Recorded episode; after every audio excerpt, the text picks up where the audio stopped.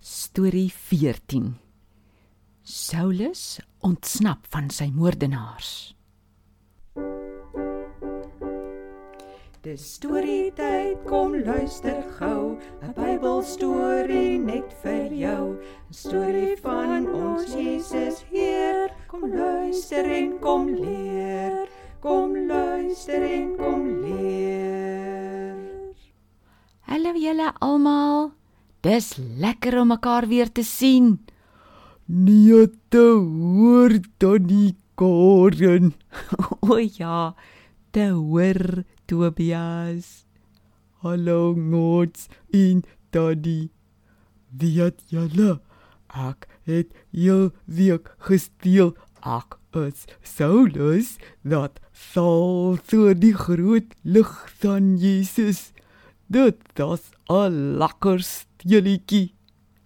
Wil jy nou meer? Ek het nog nooit van iemand gehoor wat speel hulle is Saulus nie.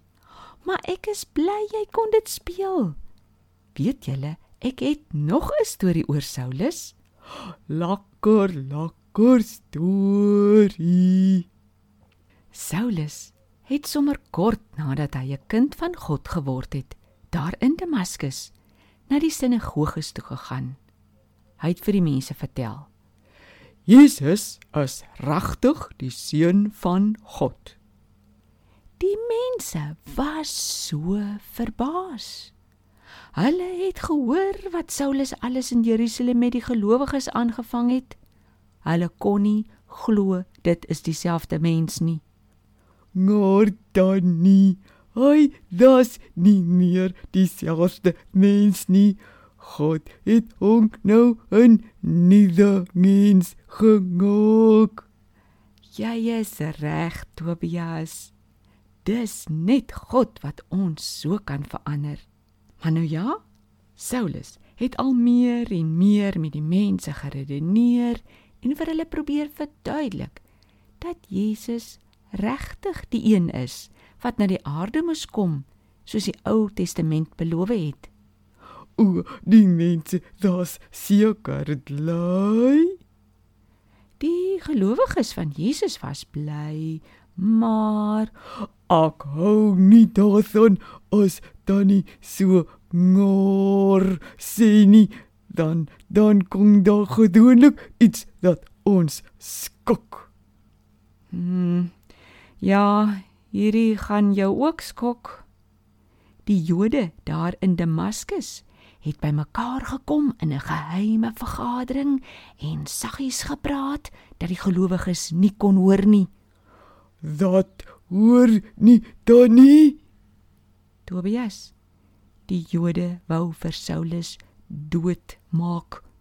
Ag nee, sister, hulle kon hulle dit reg kry dan nie.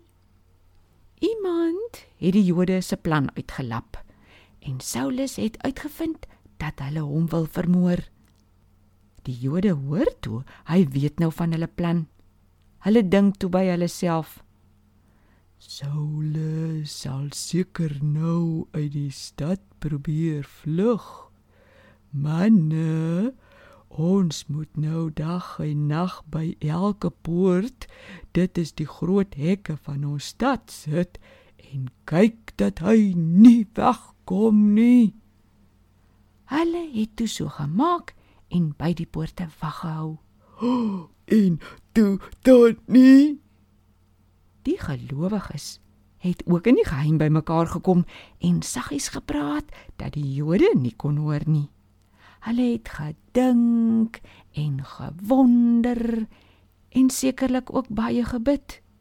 Toe kry iemand 'n oulike plan.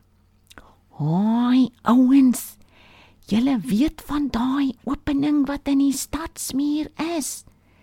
Daar waar dit nog reggemaak moet word." Kom, ons laat sak Saulus daardeur af tot buite die stad. 'n Ander een het gevra: Maar hoe gaan ons maak dat hy nie seer kry nie? Iemand anders sê toe: "Weet julle, ek het so 'n groot mandjie. Ons kan vir Saulus daarin sit en dan kan ons hom daarin laat afsak tot rond. Dit klink nou 'n goeie plan, Tannie. Het hulle dit toe reg gekry? Ja, hulle het. Hulle het stilletjies een donker aand vir Saulus in die mandjie gesit, dit deur die opening gedruk en hom versigtig laat afsak. Hy kon toe uitklim en daardie nag vinnig na Jerusalem toe gaan. Ag, maar ek is bly. Wat is nogal snaaks. 'n Mens dan 'n 'n mandjie. Dat doen Saulus toe dan nie? Saulus het in Jerusalem met die gelowiges vriende probeer maak, maar hulle was nog steeds bang vir hom. Maar daar was een gelowige, Barnabas, wat vriendelik was met hom. Hy het vir die ander gelowiges gesê: "Julle, hierdie man het nou ook 'n kind van God geword. Jesus het self met hom gepraat toe hy op pad was na Damaskus." Saulus het toe vir baie mense daar ook van Jesus vertel. En jy sal nie raai wat nie. Wat dan nie? Die Jode wat Grieks gepraat het, wou ook vir Saulus vermoor. Maar die gelowiges het van die plan gehoor en hom stilletjies weggestuur na 'n ander plek. Dis daai ou Sajan van ons dark.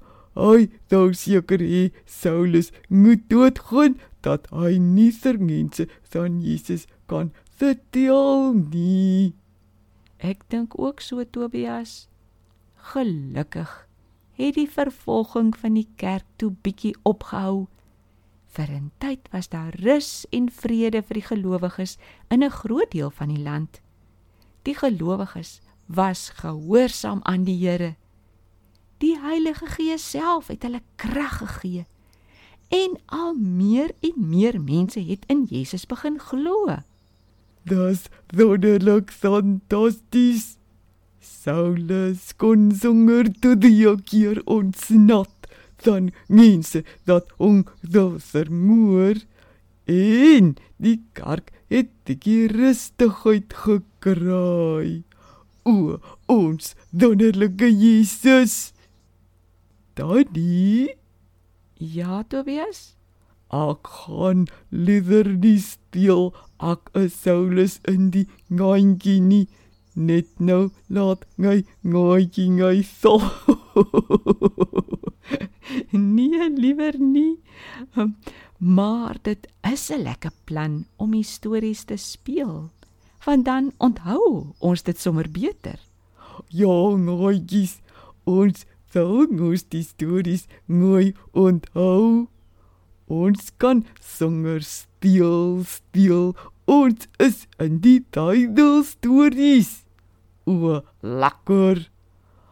Ek groet nou eers om te gaan speel. Ons gesels weer. Maats, ek groet ook. Lekker speel en o ja, vertel vandag se storie ook vir iemand. Totsiens.